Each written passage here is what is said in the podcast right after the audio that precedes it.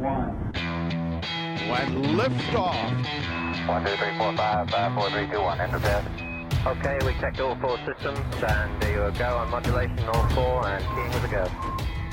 Tranquility Base here. The Eagle has landed. Starter der på nytt, det blir bare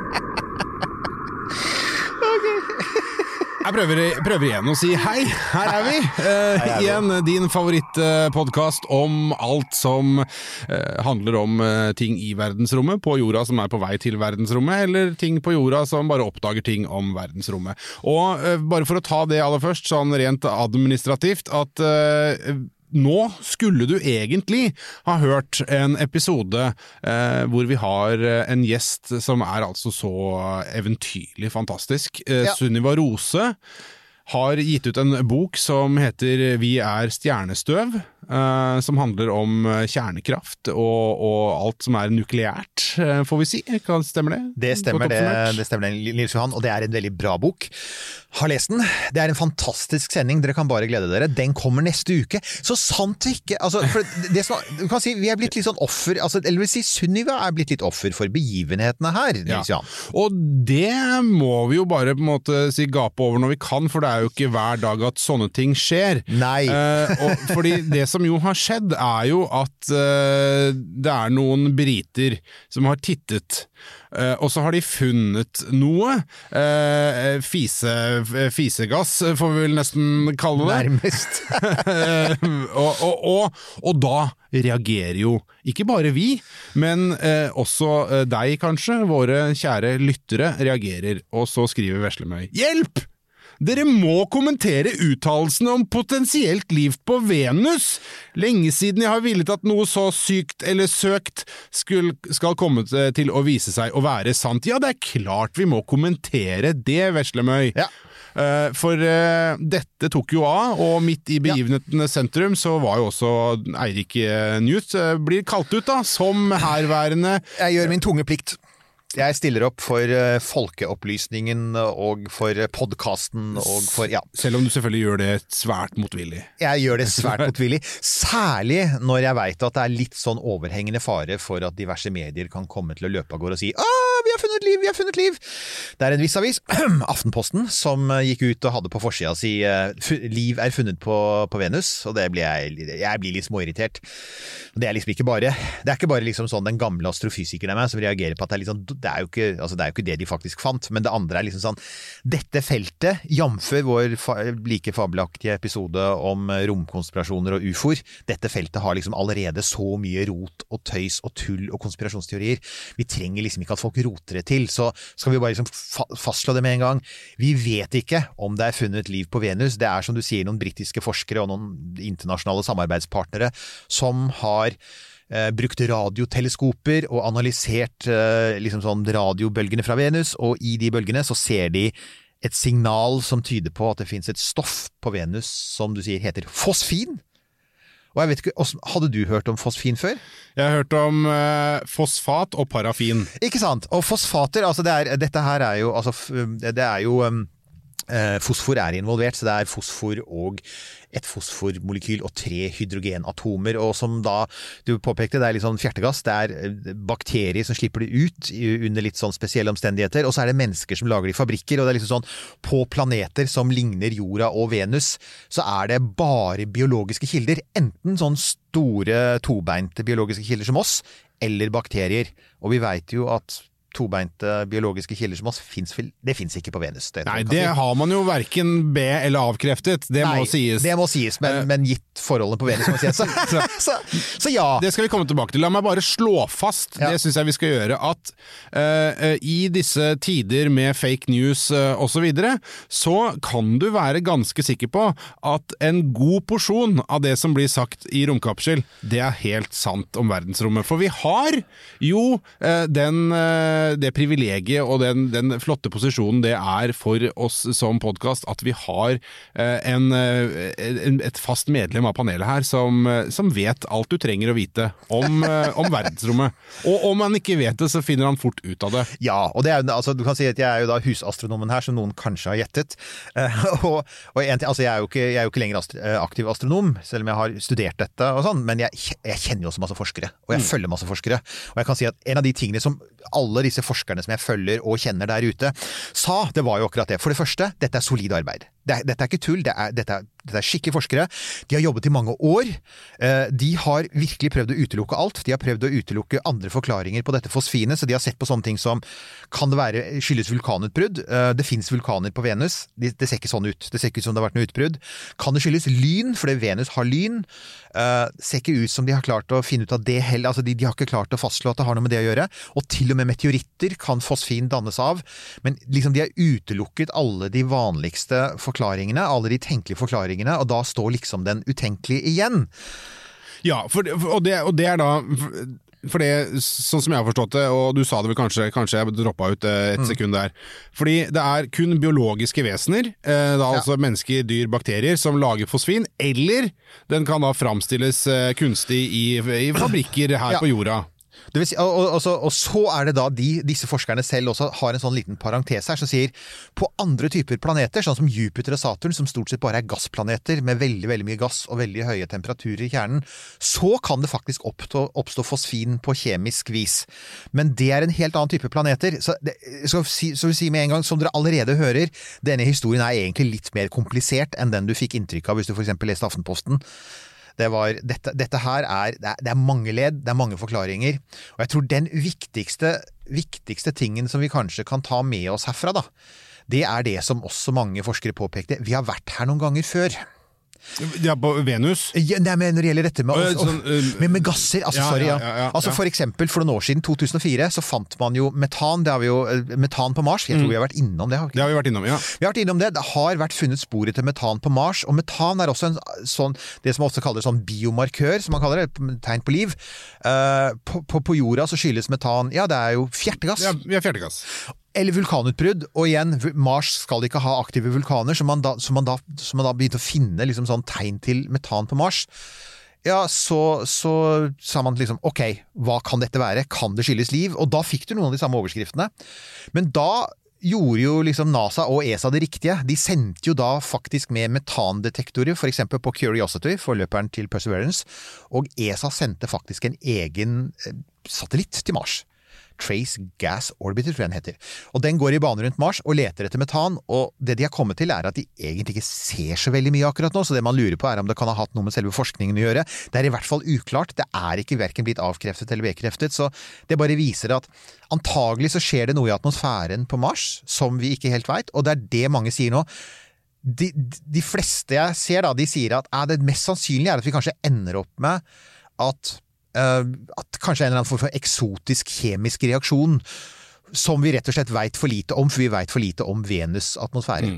Men, så da, jeg, da, jeg skjønner jo at det, det er på en måte lett å, å utlede av Ja, man har funnet en biomarkør, og dermed så er det liv. Jeg skjønner, det er veldig forenkla, da. Og litt sånn uh, hastig fordi man skal ha en fet overskrift. eh, Så, Ja, så skjønner jeg det. litt litt, Men vi nyanserer det her. Jeg har lyst til å gjøre en liten ting for for oss uinnvidde her, Eirik. Eh, litt bakgrunn eh, på Venus. Ja, for det er jo én viktig grunn til at folk driver og sier at det virker ikke særlig trolig at det kan være bakterier på Venus, og det er at Venus er et horribelt sted. Det burde ikke være det. Altså Venus kalles ofte for jordas tvillingplanet, for den er omtrent like stor. Det er en steinplanet. OK temperatur òg, eh, Altså, eller? I utgangspunktet så tenkte man det, for den ligger jo litt nærmere sola. Den Ja. ligger nærmere sola enn oss, og det betyr at den er varmere. Og sånn på 50- og 60-tallet, da man faktisk fremdeles trodde at det kunne være liv på Mars, på overflaten, altså store dyr, så var det også sånn at man trodde trodde at det kunne være ganske mye liv på Altså at det kunne være liv på Venus. Og det man så for seg, var liksom en sånn, sånn tropeplanet. Eh, Man hadde jo sett at Venus var helt hvit og dekket av skyer, men under de skyene så så man liksom for seg sånn tropisk klima, kanskje sånn dinosauraktig, egentlig. En sånn Jurassic Park. Kjempesvær Jurassic Og det er en fantastisk tanke! Og det er jo skrevet en del science fiction-romaner fra den tiden som handler om liksom sånn astronauter som strander på Venus, og som liksom må kjempe mot gigantiske insekter og dinosaurer. Det er kjempekult! Og så oppdager man på Så begynner man med radioteleskoper på 60-tallet og oppdager at oh shit, temperaturen, den er jo helt hinsides. Den er ikke sånn Altså, Venus ligger nærmere sola, så da skulle gjennomsnittstemperaturen være tropisk, dvs. Si sånn over hele kloden. Sånn ja, 30-40, kanskje 50 grader. Litt varmt, men likevel. Det, ikke sant? Nei, vi snakker jo om hundrevis av grader. Okay. Og så sender man romsonder dit, og så oppdager man at å, oh, søren, det er jo faktisk 460 grader på overflaten. Det er i overkant. Og så begynner jo sovjeterne, som jo var veldig store på Venus en periode. eh, De, de, altså, da sovjeterne tapte månekappløpet, så var det flere ting de gjorde for å liksom sånn være gode på andre områder. De begynte å sende opp romstasjoner, det må vi snakke om en gang. De var Ja. veldig gode på det. Ja. Eh, De sendte noen fantastiske Romstasjoner? Ja, sendte opp massevis. Oh, ja, ja, men det kan vi ta en annen gang. Ta en annen gang. De sendte noen fantastiske De første rullende robotene på månen, eh, som var Lunocod. Fantastiske. Og de satset på Venus. Amerikanerne tok på en måte Mars. Og sovjeterne tok Venus. Ja. Så de hadde en serie med romsonder som het eh, Venera. Som da liksom sånn, og det er jo sånn man tenker Liv på Venus. Er det, er det venusiansk liv, eller er det venerisk liv? Altså, det kan Venereal disease. Venereal, venereal life, ikke sant? Ja, Sånn. ja. Da skal man i hvert fall kanskje ikke dit, eller Nei. dra Ja, dit, men ta med deg beskyttelse. Ja, det klør da. Ja, men uansett. så, så, så de sendte da en serie med, med romsonder, og den ene etter den andre. Altså, jeg, jeg, jeg måtte jo se på dette her, for jeg tenkte det kan da ikke stemme. Men jo, eh, Venera 2, 3, 4, 5 og 6 ble alle sammen knust av trykket. Eh, og, Å ja, så ikke bare er det varmt det er altså høyt trykk! der Det er så høyt trykk der som altså, Det er 93 bar, og det er tilsvarer altså trykket på 900 meters havdyp. Ja. 460 grader, og det regner svovelsyre. Folkens, it's not a det er ikke tropisk paradis, sorry. Nei, bare sånn da, kjapp recap. Eh, hvis man da, da, Vi skjønner nå at det er lurt å velge Mars som et sted man kanskje skal bosette seg, framfor Venus, da. Eh, fordi om Mars er kjipt og har eh, 100 ways to try to kill your lover, så er det flere av dem på Venus. Eh, blant annet at det regner svovelsyre. Det er litt kjipt. Det er litt kjipt. og det, du kan si, det, det som er imponerende, er at sovjeterne landet fire sonder på overflaten til Venus. og de Mens tok det var opphold, da. Nei, faktisk mens det var svovelsyreregn og 460 grader i skyggen. Og det de klarte å få til, var blant annet å ta fotografier. Så det skal vi legge ut. Vi har jo alltid shownotes, og det skal vi ha her òg. Så i shownotene våre, som, vi finner på, som du finner på romkapsel.no, under bloggpostingen om denne ene denne sendingen, så vil vi legge ut Venera-bildene. Og de er Det viser jo da et steinete landskap med oransje lys. De tok også fargebilder. Og, og som sovjeterne selv sa, uh, lyset på Venus overflate, fordi atmosfæren er så tjukk, det er som en sånn overskyet vinterettermiddag i Moskva. Og jeg har faktisk vært i Moskva på vinteren, og det var overskyet hele tiden, så jeg tenker ok, det er ganske dunkelt og trist. Men det er mye varmere enn Moskva, da. Men poenget er at disse sondene skulle da overleve ni, altså 900 meters trykk, eh, 460 grader og rene svovelsyre. Så de var altså, altså Altså, Sovjeterne var ikke kjent for finmekanikk og god elektronikk, men de kunne sveise Ja, for holdbarhet var de gode på. de var gode på det, så Ja. dette, dette var bygd som en uh, Det er! Det er jo ubåt! det er som en ubåt, en kombinasjon av en ubåt og en T-34-tanks, altså omtrent. Det var solid stål, og de klarte altså faktisk å få dem til å overleve. Jeg tror den lengste overlevde sånn som to timer, og da blir den jo bakt og, og regna på og klemt fra alle kanter. Og så tror jeg at altså jeg tror vinduet til kameraet var noe sånt noe som diamant eller noe sånt, det var sånn ekstremt hardført materiale. Og til slutt selvfølgelig så, så, så, så, så svikter det, så du veit at sender du noe til Venus, så blir det, det, blir, det blir knust eller etsa bort eller kokt i løpet av en, en time eller to. Ikke noe ålreit. Men da, altså hvis det da skulle vise seg å være, være et, et biologisk organisme da, som har laga denne fosfingassen eh, Så er det ikke på overflaten. Nei, ok, men, men eller, da er det jo i hvert fall en eh, Ja, det jeg skulle si, da. at Det er jo tidenes ekstremofil. Det er nemlig det. Eh. Altså det de sier da, altså disse, det, det glemte vi jo helt å si. Det er funnet i skyene på Venus. For at altså Venus har denne veldig tette atmosfæren. og de sier, altså Disse forskerne sier at de har funnet dette signalet ca. 50 km over bakken. Og 50 km over bakken på jorda, da er det jo nesten verdensrom. Altså, Da dauer du jo. Du dauer allerede hvis du er lenge nok 10 km oppe i Mount Everest-høyde. 50 km over så er det nesten ikke luft igjen. På Venus er det faktisk masse atmosfære igjen, for den er så tett. Ja. Så der har du tette skyer, og du har en sånn ganske levelig temperatur på sånn rundt 10-20 grader celsius. Da er det jo ikke, der- du er jo høyt oppe. I, å ja, I atmosfæren, ja. Ja. Så det er der man må være. Så helt siden etter at man oppdaget at, at, at bakken var helt ulevelig, så begynte jo ganske mange astronomer på 70-tallet å spekulere på kunne det være mulig for var det, var det tenkelig at man kunne ha hele økosystemer som aldri ba, var basert på bakken, men som kun svevde i atmosfæren? Mm, Og, og guvernøren heter Lando Calrissian. Ja, ikke sant? Ja. Så har du Cloud City, nemlig. Ja, det er akkurat det. Og, og jeg er ikke et øyeblikk i tvil om, for vi vet at uh, George Lucas han leste mye når han skrev manuset til filmene sine, var inspirert av alle, eh, og han har helt sikkert i løpet av 70-tallet så har han helt sikkert fanget opp den svære diskusjonen som var ikke bare kunne det være liv og til og med store organismer i skyene på Venus, men også skyene på Jupiter eh, og skyene på Saturn, så, så man for seg at du liksom sånn du, altså Istedenfor at liksom disse organismene beveger seg rundt på en overflate, så transporteres de rundt av Altså de synker ned, og så dør de, og så blir avfallsstoffene fraktet opp igjen med, med luftstrømmer, og da blir de spist lenger oppe, og så får du en sånn syklus. Så det man sier er at det kan jo tenkes at du har noen bakterier som svever i skyene, og da, det eneste da er at altså, de må fremdeles være ekstremofile, for det er mye syre i de skyene fremdeles. Så man sier at det må være mye mer hardføre ekstremofile enn det vi har på jorda, men de skal i hvert fall ikke tåle sånn 460 graders temperatur, da. Ja, og, og 93 bar. Og 93 bar, og det er mindre svovelsyre der oppe. Så, så, så da er det store spørsmålet, kan vi, kan vi sende noe til skyene på Venus? Ja, kan man, altså, ja, for det det jeg har sittet inne her med nå. Ja. uh, nå skal vi Nå, igjen nå må du få lov å si noe. Ja. Venus for, for dummies. Ja. Uh, Sammenligna med typ Mars, hvor langt er det? Ja, så på en måte så er det altså Venus er jo ikke så langt unna. Det er liksom like langt Eller det er sånn, sånn eh, enkelt sagt, da, så er det like langt innover mot sola som det er utover.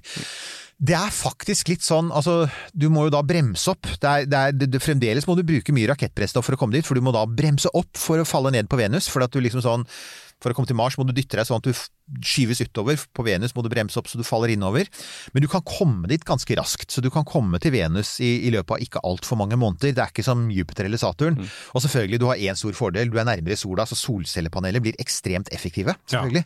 Så, så rent Så altså, man kan jo spørre seg hva var det som var grunnen til, da? Eh, For saken er at vi har ikke hatt en romsonde ved Venus siden eh, Altså på 25 år. Nei, det er jo det neste, var på en måte det neste Ja. spørsmålet mitt. Hvorfor har man på en måte igno ignorert denne Ja, hvorfor planeten? har man ignorert? Og det, igjen, altså, Astronom-Twitter var jo fullt av Nå dukket de opp, da, vet du. Nå dukket jo alle Venus-forskerne opp, og de har jo vært rasende og frustrerte nå i tiår, for de sier Mars har fått alt. Det har vært til Mars, Mars, Mars, Mars. Og bare nå i sommer, vi hadde jo en sending for ikke så lenge siden hvor vi snakket om de der tre sondene som, vi sendte, som er sendes av gårde til Mars bare denne sesongen.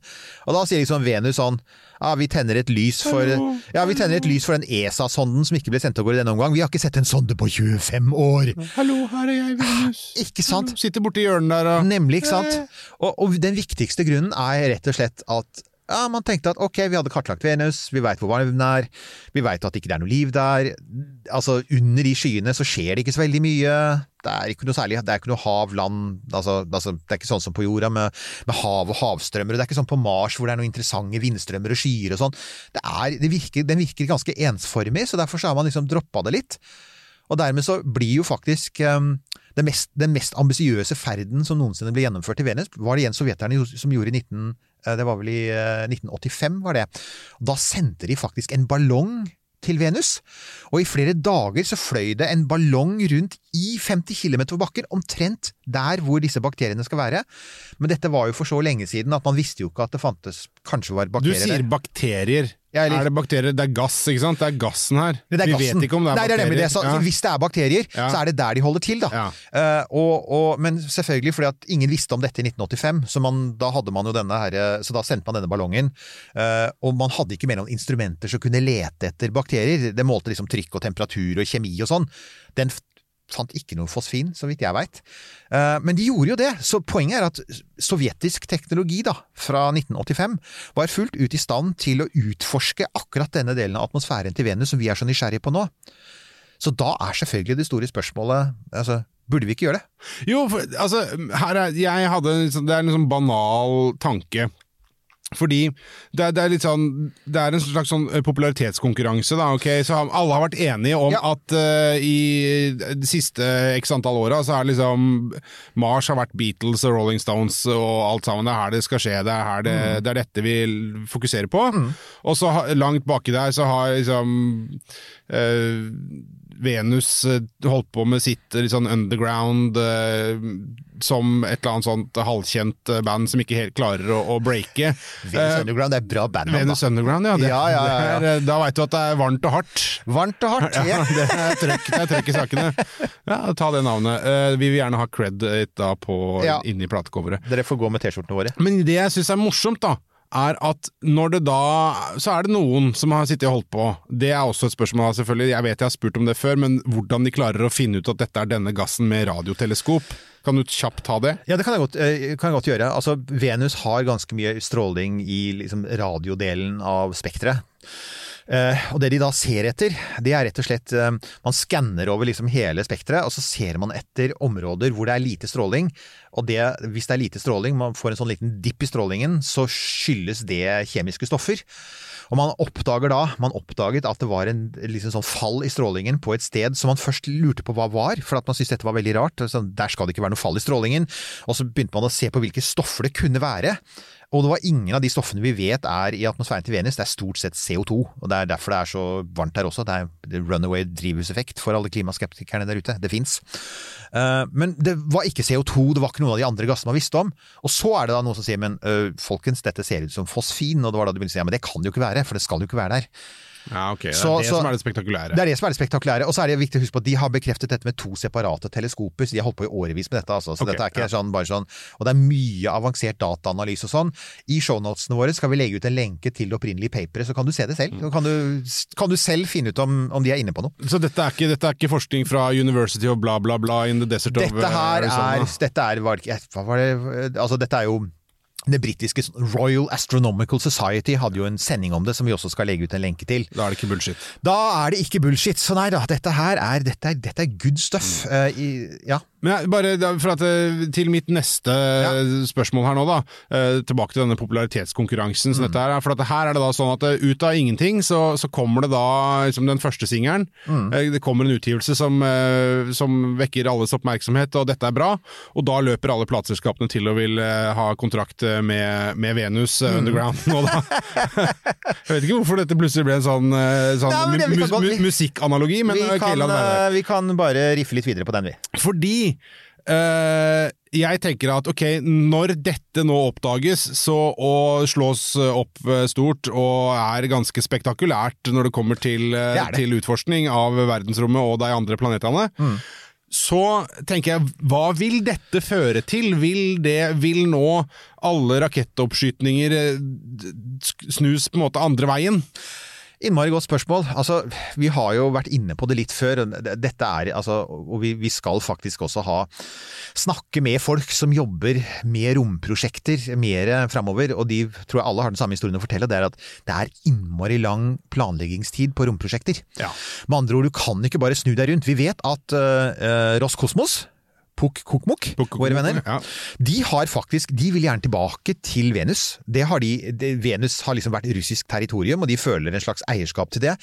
De har jo etter Sovjetunionens fall ikke hatt penger nok, og heller ikke forskere nok til å gjøre det, så de har villet samarbeide med ESA og NASA. Så det ligger faktisk et sånt uh, Roskosmos-forslag der ute til å sende av gårde noe til Venus mot slutten av tiåret, kanskje litt ut på 2030-tallet. NASA er, har, har vært interessert, har vært involvert, men så har det ikke skjedd så veldig mye mer. Men så er det jo da Altså, NASA har jo en, en, en, eh, en sjef, Jim Bridenstine. Altså, sant å si, han er en av de få Trump har utnevnt som faktisk er god. Altså, de, ja, men det, det er ikke tull! Alle, sier, han, alle sier Trump har utnevnt så mye inkompetente folk. Jim Bridenstine har overrasket alle. Han er dyktig, han er engasjert, han har skaffet masse penger til NASA, og han har klart å holde igjen på liksom sånn antivitenskapelig til antivitenskapen til Trump. Han har faktisk sørget for at romforskning har fortsatt. Og, og han har vært, også vært flink til å liksom hente inn nye folk og prøve å få i havn dette måneprogrammet ved å bruke annet kommersielle aktører. Han har vært, han har vært flink, og, det han, og så er han ganske bra på Twitter. Han kan følge ham på Twitter, Jim Bridenstine. det, det som, Den første tanken som poppa opp i huet mitt når du sa det nå, det var sånn derre eh, Og i frykt nå for å tråkke i en eller annen sånn svær Ja. kladd med bæsj og salat og alt sammen, så er det sånn Ja, men eh, alt det fine nazistene gjorde, da! Det, det var liksom den Det Ja, de bygde veier og greier, da! Så, Ja, ja, ja. Og folkevogna, ja. Togene gikk i rute. Ja. Eh, jo, nei, så, så, så Bridenstein han var ute på Twitter samme kveld. Dette skjedde jo eh, var vel 14. september. Om kvelden så, så, så var han ute, og så sier han da, tvitrer han eh, Liv på Venus, sier han. Oppdagelsen av fosfin, et biprodukt av anaerobisk biologi, er det viktigste beviset så langt for tanken om liv utenfor jorda. For ti år siden oppdaget NASA mikrober 60 km oppe. Igjen, det, de har dem til og med her.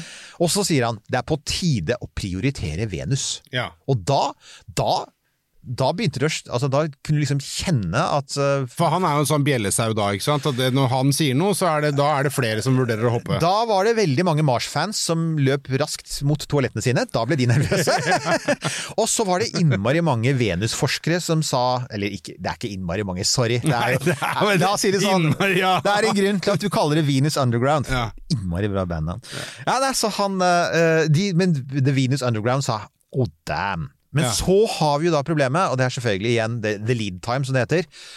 Ah, Når Bridenstine sier vi må prioritere Venus, så snakker han om at det kan skje noe om 10-15 år. ikke sant? Ja. Fordi at så må de skaffe pengene, og de må lage prosjektene, og så må de hente inn anbud, og så er det gjerne kongressrunder, og så må de ulike delstatene altså så må liksom sånn Wisconsin har en liten bedrift som produserer den skrua til, og representanten fra Wisconsin skal helt klart få sagt noe om det. Dette er NASA, folkens. Dette er dessverre en del av virkeligheten. Send et launch system. Ja, og ja. Send et launch system. Altså, altså, les eh, Alan Stern, han som er liksom hovedforskeren på New Horizons, som dro til Pluto, har skrevet en bok om uh, New Horizons. som Jeg skal, skal legge ut en lenke til den. Den er helt fantastisk, ikke minst fordi den forteller det er dirty work, altså. Man sier jo gjerne sier altså at, om politikk at det er som, eh, som produksjon av pølser, du vil ikke vite åssen det skjer. ikke sant? ja. Det er litt sånn med romsonder, du vil ikke vite åssen det skjer, det er så mye politikk på bakrommet. Så, så kommer jo da så var det, det har vært en del folk der ute som har sagt ja, men Elon må jo være interessert i det. Nei, vet du hva? Vår, vår venn Elon, han har, han, Skylapper på. han har vært like taus om dette som for så vidt også vår venn Werner. eh, Werner von Braun var heller ikke veldig opptatt av Venus. Han var opptatt av Mars. De har fokus på Mars. Ja. Det er greia. Men Det er jo andre folk! det er andre folk, og vi har nevnt han i den der episoden vi hadde om Andøya og småsatellitter. Ja. Peter Beck, han er litt kul, altså. Det er altså New Zealands svar på Elon Musk. Ja. Han er eh, rakettgründeren som har startet småsatellittselskapet Rocket Labs, og som helt klart er en direkte konkurrent i Andøya, så vi veit at Andøya kommer til å slite med han, for han er flink. Og han er driftig, og han har eh, for eksempel her var, Jeg lærte en ting om han som var utrolig kul. Altså, hvorfor bygger man New Zealand er ikke større enn Norge. Hvorfor, bygge, hvorfor kan New Zealand bygge verdens mest avanserte småraketter i karbonfiber? Fordi New Zealand også var verdensledende og er verdensledende på bygging av avanserte seilbåter i karbonfiber. Og Peter Beck kommer fra den bakgrunnen. Så det han sa var vent nå litt, vi har liksom utmerket utgangspunkt for å skyte opp satellitter, ligger midt ute i havet så du kan skyte i alle retninger. Vi har masse kompetanse på, på karbonfiber, vi burde kunne få til noe, og sånn startet de Rocket Labs. Så de driver og skyter opp satellitter, og så har de nå bygd en egen satellitt som eh, heter Foton. Den har de bygd for NASA, den skal til månen, og er, det er en småsatellitt, 250 kilo. Den skal til månen rundt juletider, litt utpå nyåret, så skal den til, vi får eventuelt følge opp det. For en brøkdel av den prisen du vant, for det er en småsatellitt. Så det er ikke sånn ja, og Hvis den da i tillegg er bygd av karbonfiber, så er det jo en veldig lett rakett. Så er det, det er lett rakett, det er lette romsonder, alt er kompakt, alt er selvfølgelig IT, så det siste av IT, nå hørtes jeg veldig gammel ut, Uh, og 3D-printa. Det er masse 3D-printa deler, så de gjør jo alt for å presse ned prisene. Så det Peter Beck sa var, han gikk ut på Twitter, så sa han vi, har, eh, vi lover at vi kan sende av gårde en fotonsatellitt til, Ma til Venus, unnskyld. Der ser du. Jeg er jo Marsmann selv, da. vane. Gammel vane! Oh, oh, oh, dette er sånn Freudian slip, altså. Så han sier vi kan sende av gårde til Venus i 2023 allerede, og hvis folk sier at det er seint, så kan jeg si da kjenner ikke rombransjen. Nei, det er jo nå. Det er, det er lynkjapt. Ja, det er jo nå. Eh, Det er, det er nå, ikke sant? Det, er, det var i går. Og, og det han da sier er Vi eh, skal prøve å tromme sammen private midler. Han har allerede investorer som er interesserte, og da må de selvfølgelig lage litt reklame rundt det. Men ja, ikke, kommer ikke til å koste sånn fem milliarder dollar, som jo vår venn Perseverance til Mars kostet, eller ti milliarder, som vår venn James Webb Space Telescope Nei, nei, han snakker om noen titalls millioner dollar, for det er en liten satellitt med ganske og han tror de kan sende ett instrument inn i atmosfæren på Venus, så han har gått ut til alle Venus-forskerne der ute, alle fem. Ja, han har direktelinje til alle. Direkte linje til Ja. alle, alle, de, alle de fem, og alle sammen er for øvrig på, på, på min alder eller eldre, fordi at det siste skjedde var for 25 år siden. Og sagt at hvis dere kan lage et instrument som altså kan komme seg ned i Venus' atmosfære, gjøre målinger og overleve noen timer, og sende dataene tilbake til jorda, som veier under 40 kilo. Det er litt kult, da. Ja, ja. Jo, men altså, ok. It's out there. Så uh, her, er ok, vi kan sende oppfordringen videre. Folkens, hvis det er noen av dere det, Jeg vet jo at det er folk i småsatellittmiljøet i Norge også, og studenter som hører på. Nå, altså Peter Beck, følg han på, gå og følg han på Twitter. Han har sendt ut oppfordringen. Da, hvis dere har en idé, hvis det er noen studenter på NTNU eller noe sånt, noe som har et sånt kult uh, satellittprosjekt, sett i gang! For Så- nå er nå er liksom kappløp mot Venus der, da. Ja, Da får dere garantert en tur til Australia, nei til New Zealand, eh, vil jeg tro. Kan få seile i en innmari fin seilbåt laga av karbonfiber. Da får vi i hvert fall Ja. det. Ja. Så er selvfølgelig Så er spørsmålet altså igjen Kommer de Altså, jeg, jeg, jeg håper jo Altså, jeg er jo tilhenger av all mulig form for planetforskning, så jeg håper jo selvfølgelig at vi kan endelig kan komme dit at vi gjør noe som er kulere enn det sovjeterne gjorde på 70-tallet, som var, var kjempekult, men det er altså Det er Leonid Brezjnevs periode! Kan liksom, Brezjnev kan ikke være bedre enn oss til å utforske Venus, tenker jeg.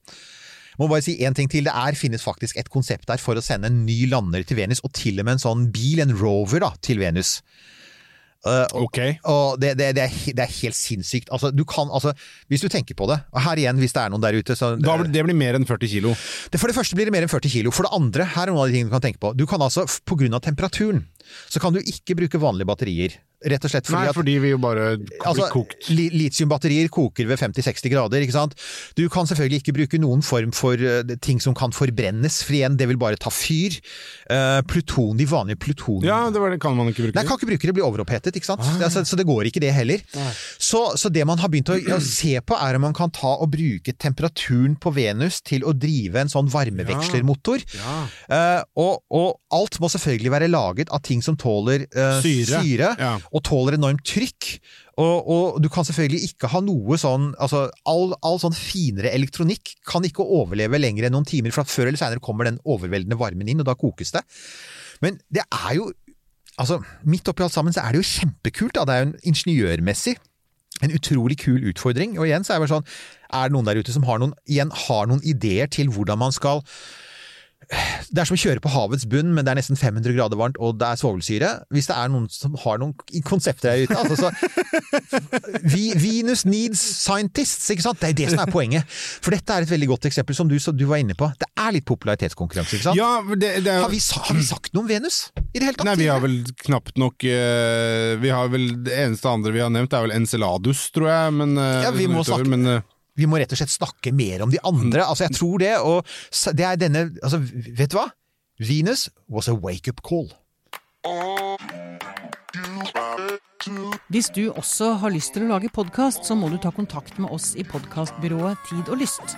Vi holder til på Grünerløkka og har verdens hyggeligste studio, som selvfølgelig har nydelig lyd. Det kan du jo høre. Vi er dessuten skikkelig gode på innhold og produksjon. Send en mail til pia at tid og lyst, så snakkes vi. Dypt. Ja, det var, det, var, det var fint. Nå ble, det en, nå ble det en pregnant pause her, som Ja, man ja. sier på gammelt språk. Nå Jeg vet ikke hva det betyr, men det ble, ja, det ble en pregnant pause. Ja, ja, ja, nei, det betyr, det betyr ikke det dere tror det betyr, Nei. på samme måte som uh, venerianske bakterier betyr, betyr ikke det dere tror det betyr. Ta den, ta den der fantasien deres og hold den unna. Men det, som, det som slår meg oppi det her nå, da at Forrige gang man på en måte fikk noe, uh, eller gjorde noe i retning av Venus, eh, som du sier. Mm. fra 25 år siden, og russerne som gjorde det eh, det å da å, å, å skulle være Og så tenker jeg da også på disse forskerne da, fra, Mm. fra Storbritannia som nå har funnet denne fisefosfingassen. Ja.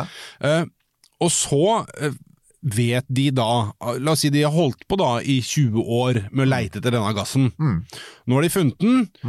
Oppsiktsvekkende og stort. Uh, fantastisk.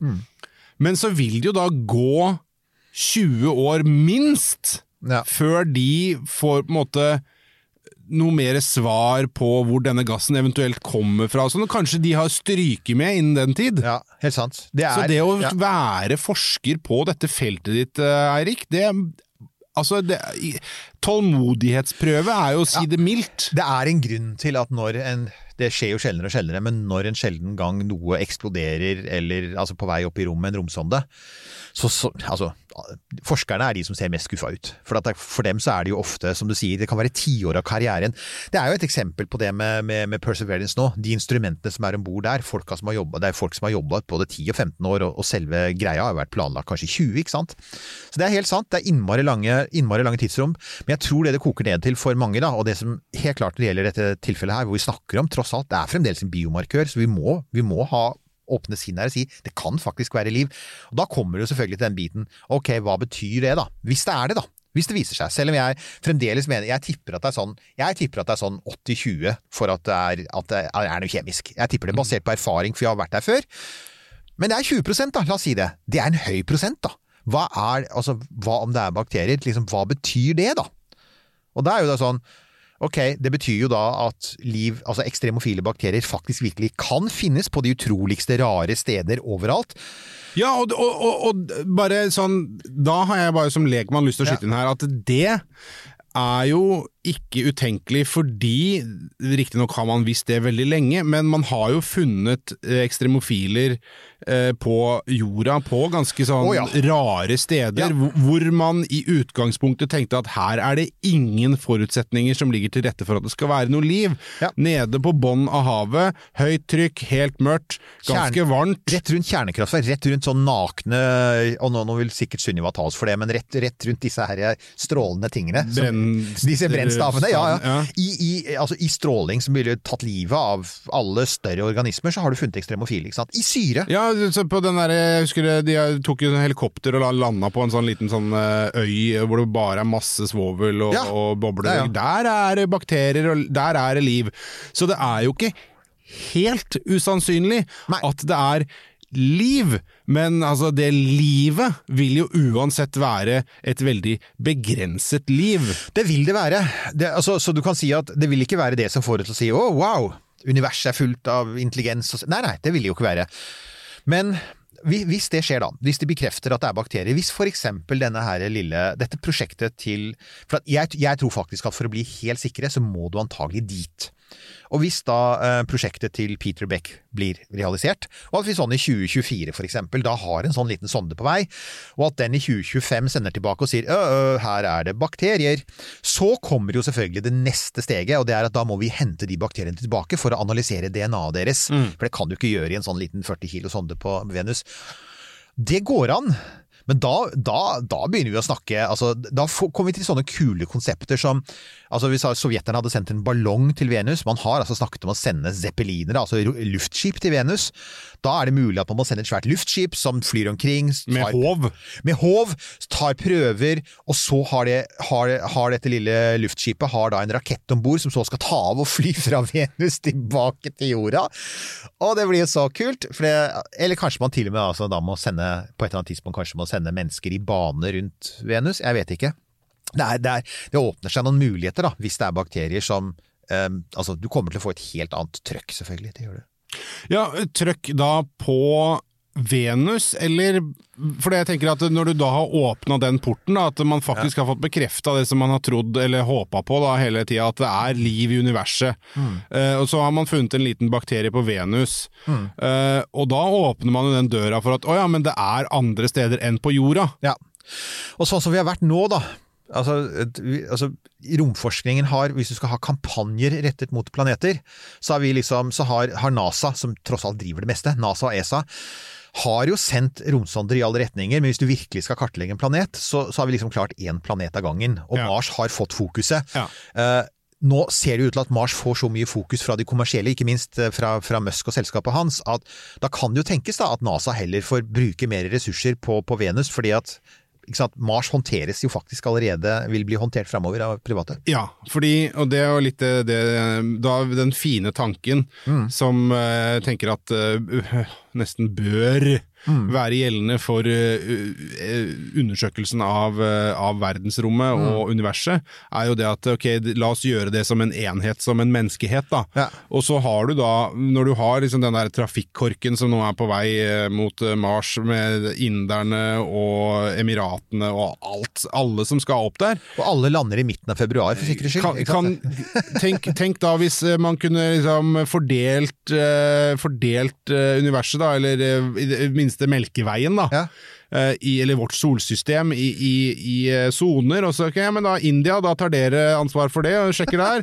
Og så, men Ja. så kan vi samarbeide på tvers, Ja. da. Ja. Men, men altså at, at dere har et prosjekt på gang som skal dit, og så kan ESA ha et prosjekt som skal dit, og så kan NASA ha et prosjekt som skal tilbake på høring, og så eh, kan, kan, kan liksom eh, Pakistan og, ha et prosjekt som skal Ja. et, et annet sted.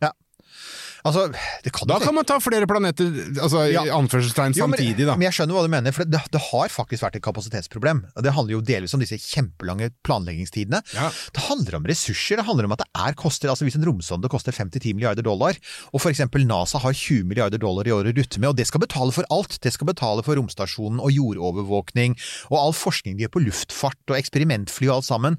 Og hvis du da, så du, du har begrensa kapasitet. Det er liksom litt som tyskerne på østfronten i 1942, for alle krigsnerdene der ute. Du, har en, du kan kjøre én kampanje. Du kan ikke kjøre over hele fronten. Du er liksom nødt til å velge et frontavsnitt, og så må du satse på det. Nå ble det en veldig avsporing her, men jeg tror dere skjønner hva jeg mener. Mm, da- Og Mars er da Mars er Kaukasus i 1942. Mars er liksom det vi har kapasitet til nå. Og så sier, nå kommer da vitenskapene og sier ja, men nå har vi ignorert et helt avsnitt, vi må gjøre noe med det. Og da tenker jeg at, at det beste som kunne komme ut av det sånn på kort sikt, er nettopp at det er noen som, som type um, Rocket Labs, eller noen andre.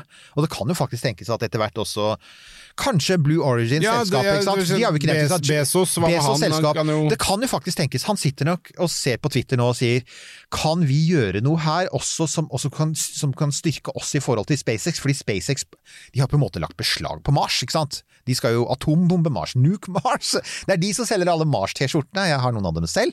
Uh, og, og liksom, ok, fins det en annen klode i solsystemet? Det er, innmari, det er en innmari interessant tanke du er inne på, Nils Johan. for det det er jo det folk har spådd, da. At en gang i fremtiden så vil kanskje solsystemet liksom bli delt inn. Altså, ja, noen sånn Mars er noen som har, og Venus er noen andre, og Jupiter, og så er det asteroidebeltet, ikke sant. Den uavhengige republikken asteroidebeltet og sånn. Ja. Og så møtes de alle i et intergalaktisk råd. Ja, ja, Som ja, til slutt overtas av uh, noen mørke krefter eh, med en uh, tungtpustende leder. Med en tungtpustende leder og, som skyter lyn ut av fingrene og sånn. Men altså helt til slutt må vi bare nevne, det er jo en sånn litt fascinerende ting til med Venus som vi bare kan jeg syns vi kan nevne det, for vi, vi snakker allerede om Venus. Og, og folkens, det er mulig det er en stund til vi snakker om Venus igjen neste gang. Det må antagelig skje noe mer spennende med fosfine. Det er bare sånn det er. Uh, og det er disse folka som jo faktisk har sagt at men vet du hva, hvis vi først skal liksom sånn kolonisere og terraforme planeter og sånn, hvorfor ikke Venus?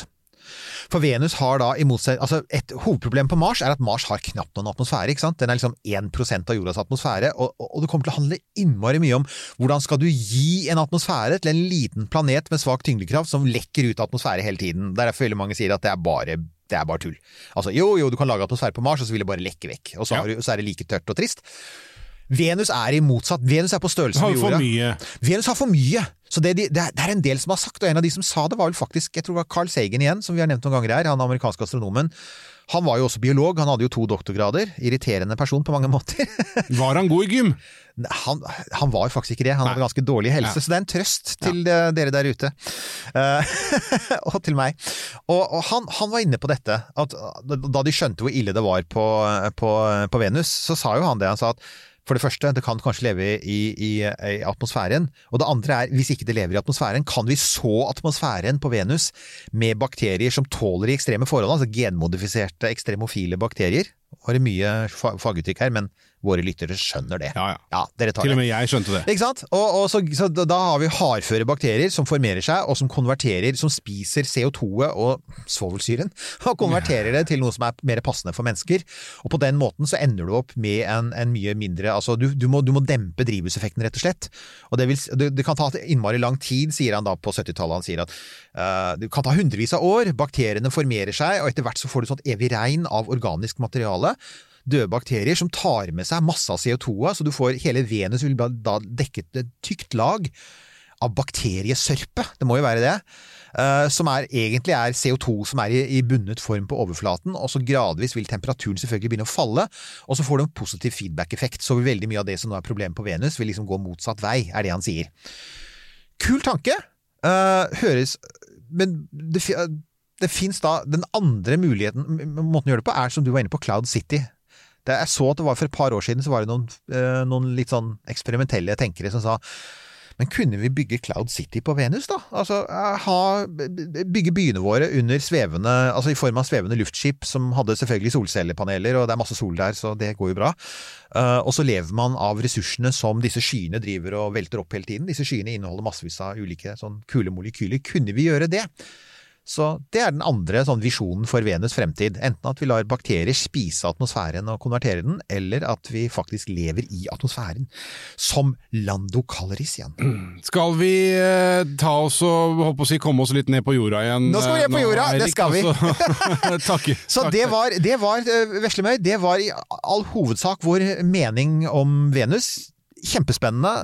Eh, Astronomen i huset er ikke helt overbevist om at det er liv, men det kan være, og er det det, så er det dritkult. Men det viktigste er altså, det kan hende at vi nå får flere sonder til Venus. Det har vi trengt lenge, så det vil være en veldig bra ting som kommer ut av dette. Skal vi bare skyte helt på tampen her en liten sånn eh, ball over til eh, våre venner i Konspirasjonspodden. Ja. Samtidig som nyheten om denne gassen på den CO2-fylte planeten Venus ble kjent, så ble det lansert at Kjell Inge Røkke eh, går eh, kraftig inn i CO2-fangst. Eh, ja.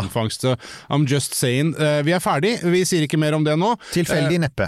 Eirik Newt, eh, nok en gang. Hyggelig og lærerikt å sitte her i den klamme, eh, lille, prompefulle romkapselen sammen med deg. Men det er ikke fosfin her, da. Nei, det er det Den, den er jo dødelig. Ja, så, ja, så vi holder oss unna Noe bra, er det, noe bra er det med kapselen vår. Her er det bare fint, ikke fossfint. Eh, hyggelig at du Wow. hører på.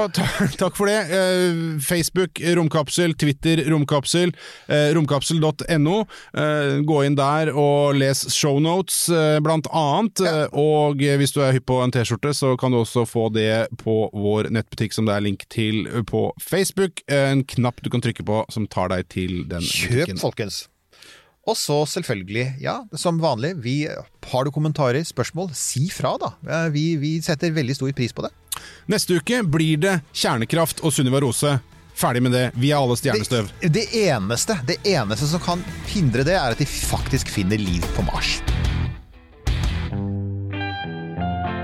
Denne Podkasten er produsert av Tid og Lyst.